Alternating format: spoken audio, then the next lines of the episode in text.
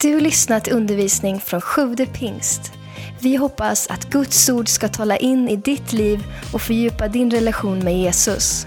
Besök gärna vår hemsida, www.sjuvdepingst.se.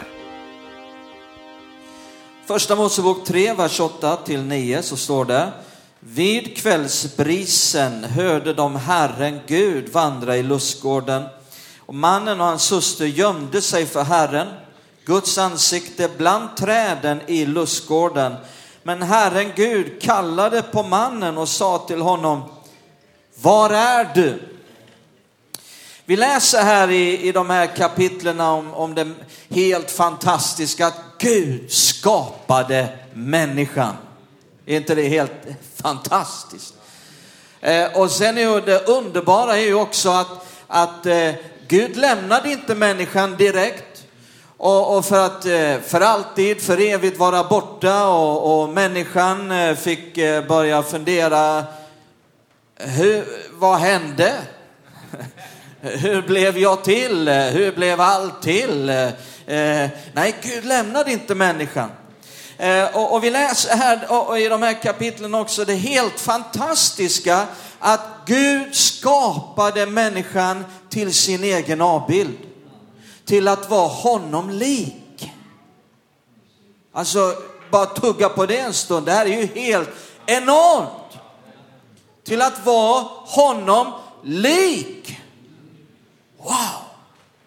Och vad var syftet med det? Jo, Gud ville få umgås med människan. Och det är ju så att, att du kan ju bara umgås med en eh, varelse, en kategori, en klass av varelser som är i samma klass som dig själv. Har du tänkt på det? Du kan ju inte ha gemenskap med kossan ute på ängen. Eller hur? För det är inte samma klass av, av varelse som dig själv. Jo, Sven, jag och kossan Rosa. Vi har sån fin gemenskap. Så får du inte säga, ja min hund, vi har en djup gemenskap. Så känner vi. Jag väntar bara till du ska spela Monopol med hunden. Eller du kommer hem och säger, jag har haft en svår dag idag. Kan du lyssna på mig en stund? Och du känner att hunden förstår allt vad du har varit med om. Nej, du kan inte ha någon, någon djup och, och, verklig gemenskap med en varelse som inte är i samma kategori som dig själv. Och det var det som Gud önskade. Han ville ha gemenskap, en djup, äkta, verklig gemenskap med människan och skapade människan till sin egen avbild, till att vara honom lik. Eh, det betyder inte att vi blir Gud, eh, det betyder inte att vi Eh, Eh, kommer i besittning av allt det som, som kännetecknar det som bara Gud är. Men vi blir Guds barn.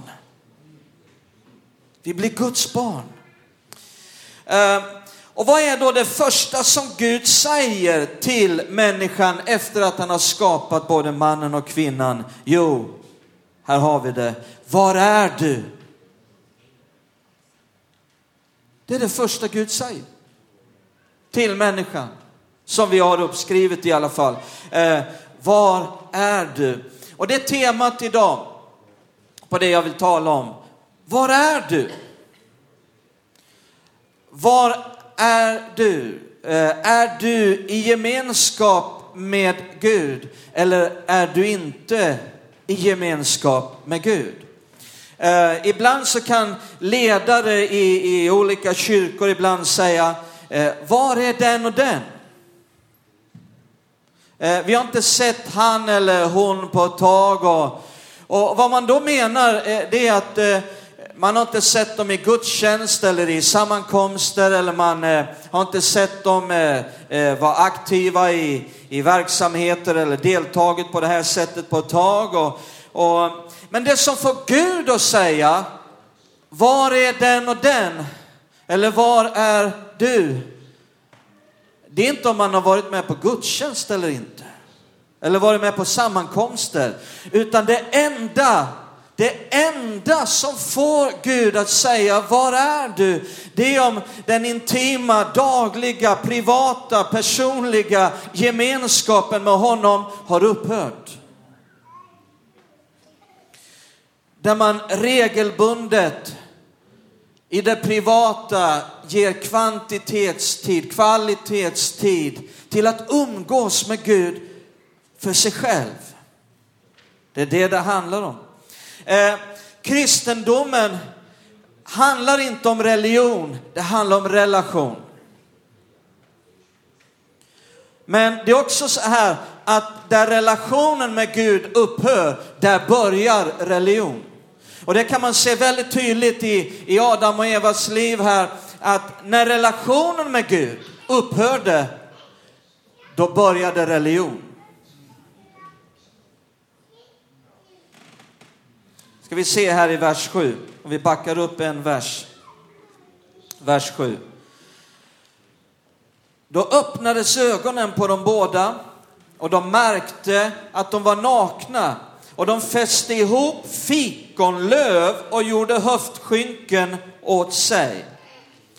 De njöt av en helt fantastisk relation med Gud, men så fort den relationen bröts med Gud så började den första världsreligionen. Vet du vad den första världsreligionen var? Lövismen.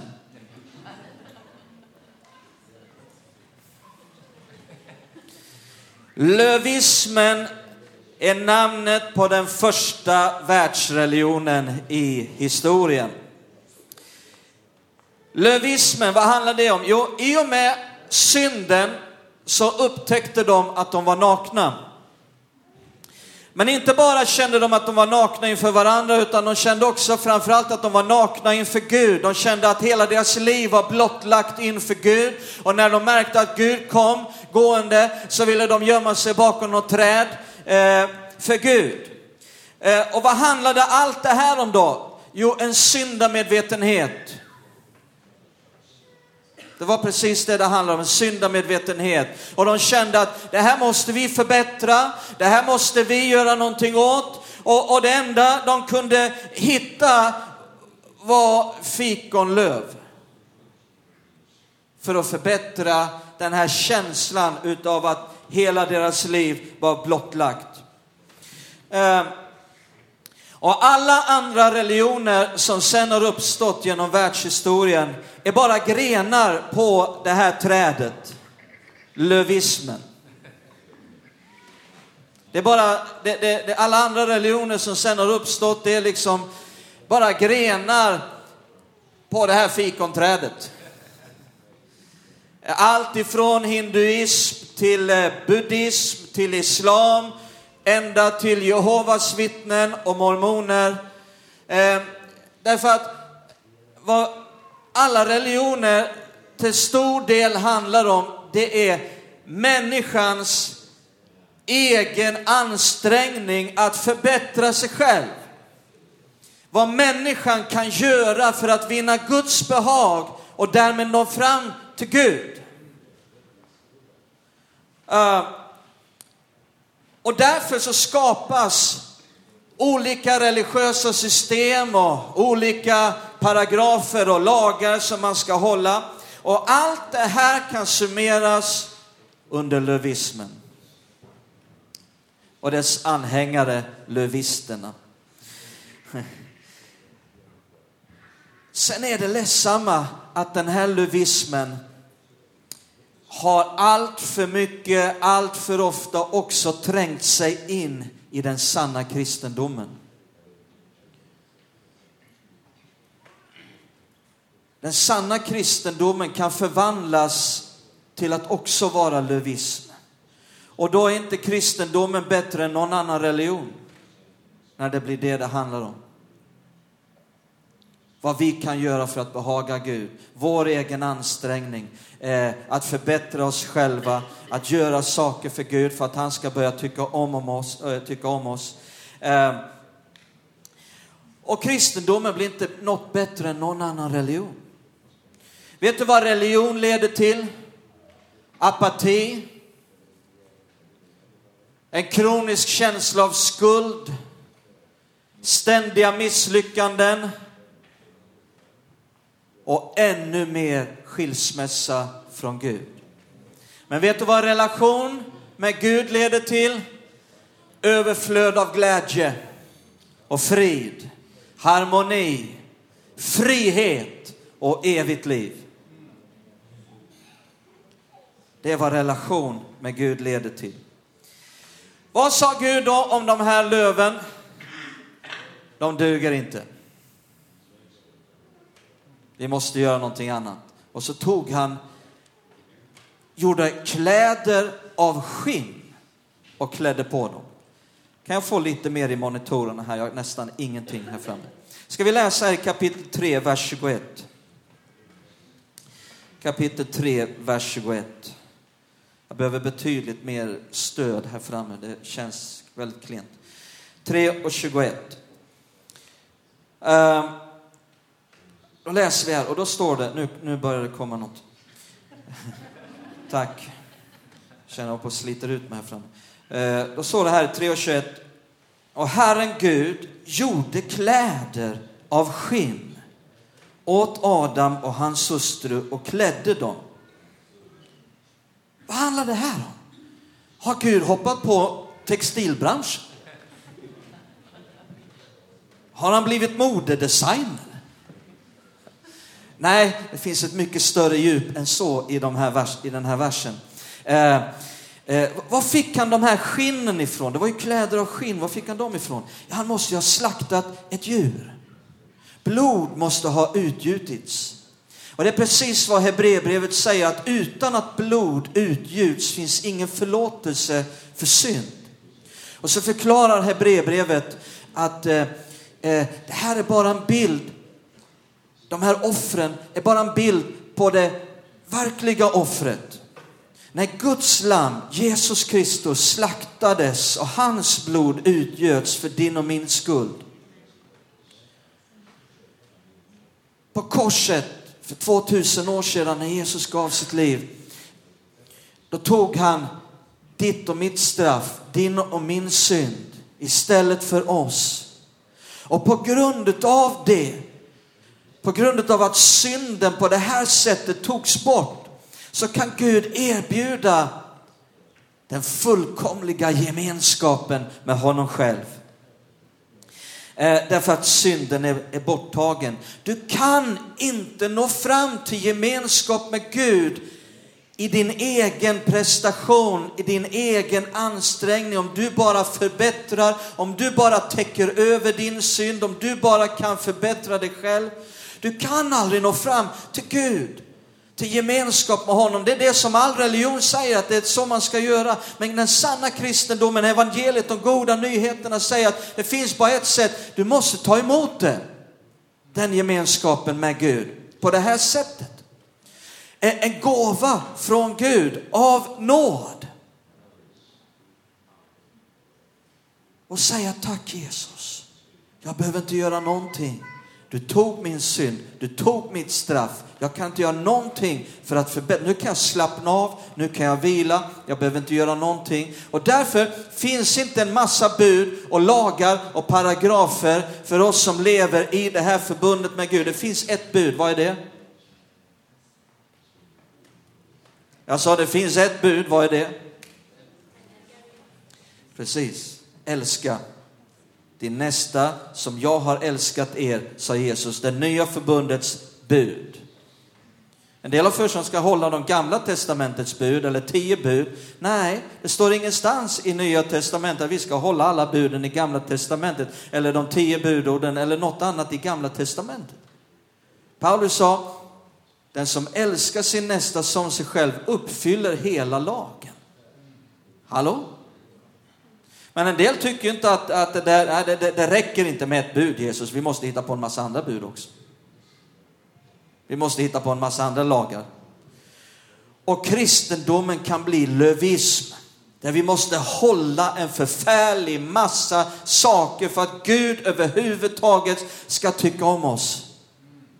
Och välkomna oss in i hans gemenskap. Nej min vän. Jesus har älskat dig. Du kan ta emot det som en gåva, acceptera det och bara säga tack Herre. Tack Herre. Och som du har älskat mig vill jag nu älska andra människor. Halleluja. Är inte det underbart? Det är goda nyheter. Det är det här som är den stora skillnaden mellan kristendomen, den sanna kristendomen och andra religioner. Gud säger, var är du? Var är du?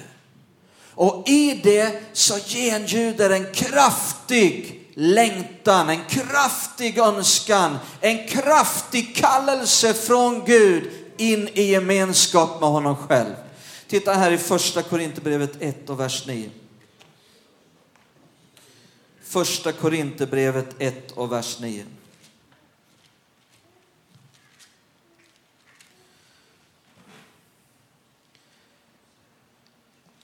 Gud är trofast som har kallat er till gemenskap med sin son Jesus Kristus, vår Herre. Vad är du kallad till? Vad är det han vill få in dig i? Gemenskap. Wow! Gemenskap. Titta här första Johannes brev 1 och 3. Missa inte ditt livs chans. Första Johannes brev 1 och 3 står det. Det vi har sett och hört förkunnar vi för er, för att också ni ska ha gemenskap med oss. Och vår gemenskap är med Fadern och hans son Jesus Kristus. Um, en annan sak som Bibeln talar väldigt mycket om, det är att, att vår relation med Jesus är väldigt likt relationen mellan man och hustru i ett äktenskap. Har ni sett det i Bibeln? Gen, genom hela Bibeln? Ehm, och, och, jag vet hur det var när, när jag och Vicky, vi var, vi var nygifta. Vi hade, jag bar henne in i mina armar över tröskeln till, den, till vår tvåa, två rum och kök på Åsgatan i Falun. Och vi hade hur mycket kvalitetstid och kvantitetstid som helst. Oj, vad vi hade tid tillsammans. Och sen är det också så att ur all den här kvalitetstiden och ur all den här kvantitetstiden vi hade tillsammans så började saker födas fram. En hel massa barn. Men inte bara barn, utan också mycket annat. Saker formades i våra liv tillsammans och det föddes fram ur vår gemenskap. Ehm, men vad viktigt det blir när åren går att inse att det som födde fram allt detta, våra barn, vår familj, alla andra saker i våra liv tillsammans, allt det som födde fram det, Vickys och min gemenskap, det är också det enda som kan upprätthålla detta.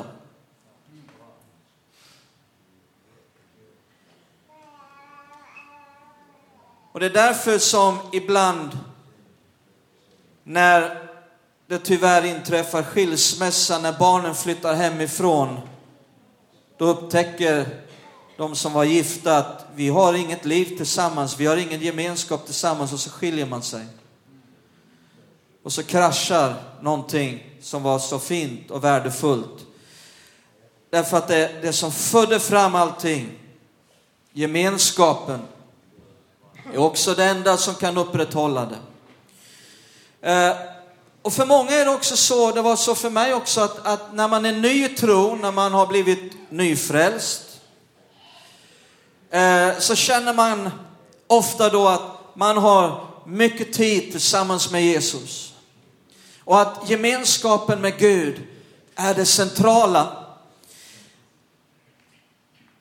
Och det är också så att, att en intim gemenskap med Jesus, det gör att saker börjar födas fram utifrån det. Att tjäna Gud. Man blir passionerat aktiv i en församling, man börjar tjäna i team, man börjar göra mycket för Gud och, och, och det blir en produkt. Precis som det blev en produkt i mitt och Vickys liv ifrån vår gemenskap så kommer det också i en fantastisk gemenskap med Gud att bli en produkt. Någonting börjar formas som är från Gud för ditt liv, som du börjar leva i. Eh, och vad viktigt det är då att inse att, att allt det som födde fram detta, den intima gemenskapen med Jesus, den dagliga, privata, personliga gemenskapen med Gud i det fördolda för sig själv, det är också det enda som kan upprätthålla allt det.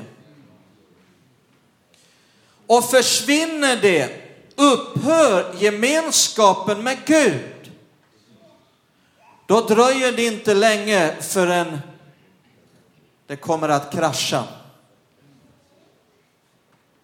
I bästa fall blir man kvar i kyrkan, men elden är borta och allt är bara rutin utan någon passion. Precis som det kan bli ett äktenskap, att allting går numera bara på rutin och det finns ingen passion i gemenskapen.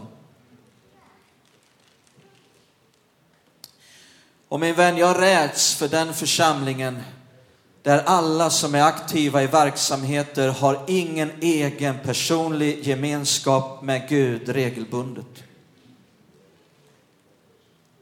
Jag räds för det. Titta här i Jeremia kapitel 2. Jeremia kapitel 2. Vi vill ha relation med Gud, inte religion. Jeremia 2, så står det i vers 2. Gå och predika för Jerusalem, säg, så säger Herren, jag minns din ungdoms hängivenhet hur du älskade mig under din brudtid och följde mig i öknen i landet där man inte såg. Här talar Herren med Guds folket och säger, ni Guds folk, ni Guds folk, ni, ni israeler. Så här var det i början. Och så kommer den här bilden med, med en brudetid och relationen mellan man och hustru. Han tar det som en bild mellan honom själv och relationen, gemenskapen med, med folket. Och titta vad det står i vers 13. Vers 13. Till mitt folk har begått en dubbel synd. De har övergivit mig, källan med det levande vattnet och gjort sig usla brunnar som inte håller vatten. När relationen med Gud upphör så blir det någonting annat istället och det blir usla brunnar. Eh, tappade de all religiositet? Nej, det blev väldigt mycket religiositet och det blev många gudar och det blev allt möjligt. Men det var inte en gemenskap med Gud. En fråga, vad är det som tar dig till himlen överhuvudtaget? Är det allt det som du gör för Gud?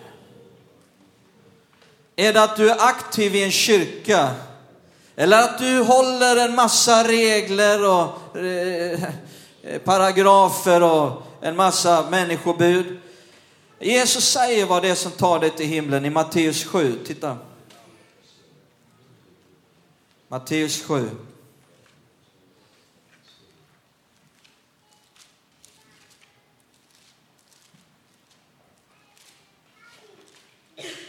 Vers 22 till 23. Då säger Jesus, många ska säga till mig på den dagen, Herre, Herre, har vi inte profeterat med hjälp av ditt namn och med hjälp av ditt namn drivit ut onda andar och med hjälp av ditt namn gjort många kraftgärningar? Men då ska jag säga dem sanningen, jag har aldrig känt er. Gå bort ifrån mig, ni laglösa. Jag har aldrig känt er. På den dagen, det är de som kommer säga, men vi har gjort det här och vi har gjort det här och vi har gjort det här och var inte det bra? Jag har aldrig känt er. Det, det, det, det är nog bland det, det, det, det viktigaste att höra i all evighet från Jesus, det är när han säger, jag känner dig. Det är hemskt att, att, att, att tro att man känner någon, men den känner inte dig. Har du varit med om det någon gång?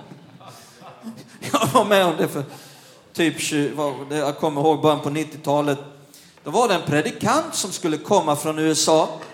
Och jag hade träffat honom när jag bodde i USA. Jag hade varit hemma hos honom och jag var med vid någon, någon, något tältmöte och hjälpte honom vid ett enstaka tillfälle. Och jag tyckte jag kände honom. Och sen hade jag ju suttit där och lyssnat mycket på honom, eller inte mycket, men en del. Och, så jag talade om för dem som, som var, var att han, jag känner honom som ska komma. Vi känner varandra. Och, och sen när han då kom och så skulle jag tolka för honom och så frågade han mig, känner vi varandra?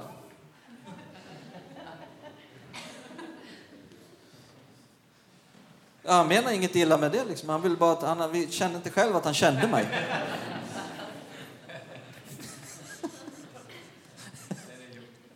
Sitt inte och skratta åt mig bara, då är det säkert var det där du också.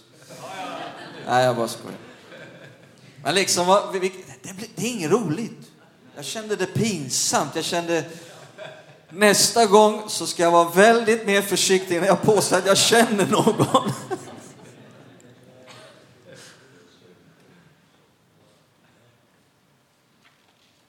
Den viktigaste frågan, tror jag överhuvudtaget, överhuvudtaget, det är om Jesus kan säga, jag känner dig.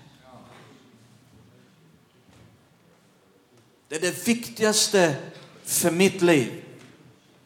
Att en dag få höra från Jesu mun, inte vad bra du var Sven, vad duktig du var, vad mycket du gjorde. Du, du, och allt det här och oj vad du höll på, du var så upptagen. Nej, det är en sak, det är bara en sak jag vill höra från Jesus en dag. Och det är att han kan säga Sven, jag känner dig. Välkommen.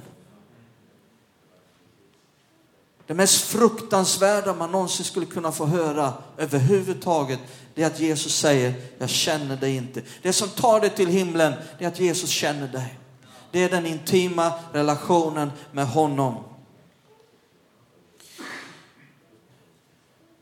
De här ville säga, vi har gjort det här och vi har gjort det här och, och, och var inte det viktigt? Det är ungefär som i ett äktenskap, när efter många år så kanske till sist frun säger, jag vill skilja mig. Hon känner att det är länge sedan gemenskapen upphörde. Vi har ingen gemenskap längre och jag vill utifrån det här, jag vill inte vara med om det här längre. Det har gått flera år, jag står inte ut. Och så säger hon till mannen en vacker dag, som inte är så vacker, jag vill skilja mig. Va? säger mannen. Kom som en blixt från klar himmel, han har ingen aning. Va? Jag som gör så mycket för dig. Jag som sliter hund och jobbar 60 timmar i veckan och alltid ställer upp och bla bla bla. Och så säger frun, ja, men det var ju inte det jag ville ha. Jag ville ju ha dig.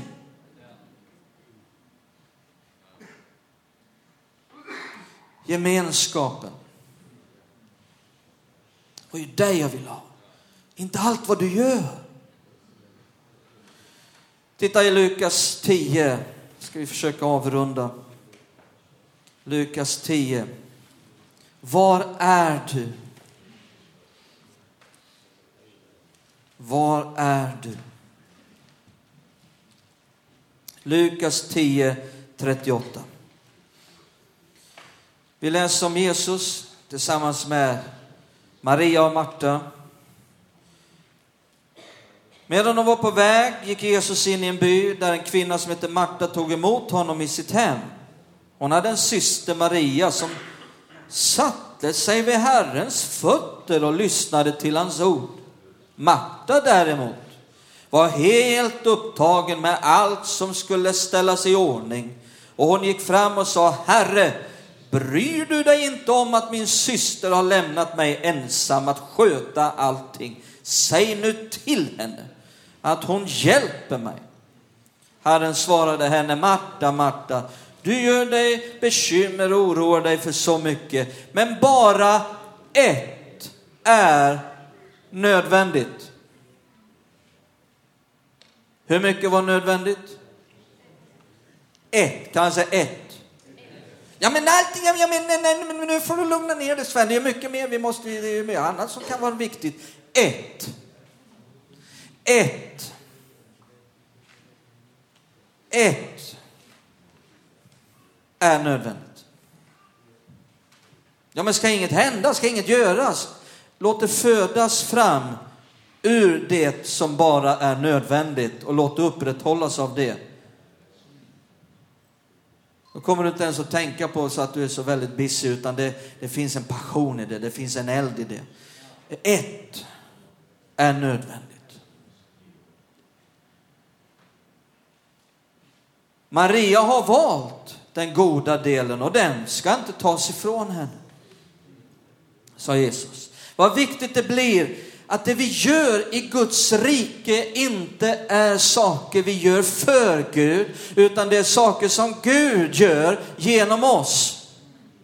Religion betonar vad du ska göra för Gud, medan relation med Gud handlar om vad Gud kan göra genom dig. Och där du får uppleva att du gör det tillsammans med Gud. Allting blir så mycket annorlunda när saker får födas fram ur gemenskapen med Gud och också upprätthållas utav det. Allt blir så annorlunda. Även hur man responderar till saker i livet. Eh, eh, en människa som är bara religiös, som inte har relation med Gud, responderar helt annorlunda till situationer i livet jämfört med en som lever utifrån en relation med Gud. Jag läste om en, eh, det var en jumbojet som var uppe på 10 000 meters höjd. Då stannade alla motorerna. Och det här planet det var på väg, förlorade höjd väldigt snabbt och var på väg ner mot en rejäl kraschlandning. Då var det en kvinna som satt på det här planet som fick syn på att bredvid sig så satt en präst. Så hon sa till prästen, du är ju präst, du är ju religiös, gör något religiöst. Då tog prästen fram en hatt och tog upp en kollekt.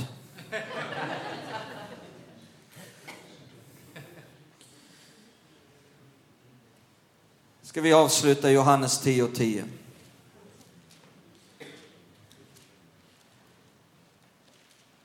Hur vi responderar till livet det som händer i livet blir så mycket annorlunda. Titta Johannes 10 och 10, då säger Jesus så här, tjuven kommer bara för att stjäla och slakta och döda. Jag har kommit för att de ska ha liv. Ja, liv i överflöd. Varför kom Jesus? Här förklarar han varför han kom. Jag har kommit inte för att upprätta religion, utan för att upprätta relation med Gud. Jesus kom inte för att starta en religion. Han kom för att upprätta relation med Gud. Jesus kom inte för att ge en massa lagar och paragrafer. Han kom för att ge liv överflödande liv. Och det är i relationen med honom som det överflödande livet finns. Ska vi stå upp tillsammans?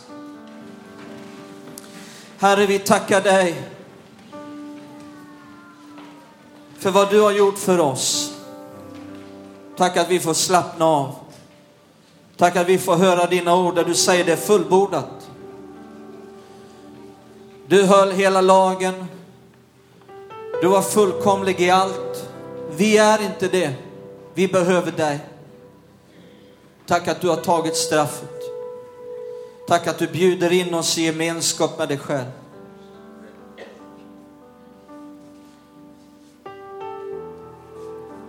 Herre, vi vill kunna säga, om du frågar var är du? Här är jag. Här är jag Jesus. Jag vill leva med dig, jag vill gå med dig. Tack att du kallar oss in i gemenskap med dig. Tack för din nåd. Tack för att du lyssnat. Glöm inte att du alltid är välkommen till vår kyrka. Du hittar mer info på www.sjuvdepingst.se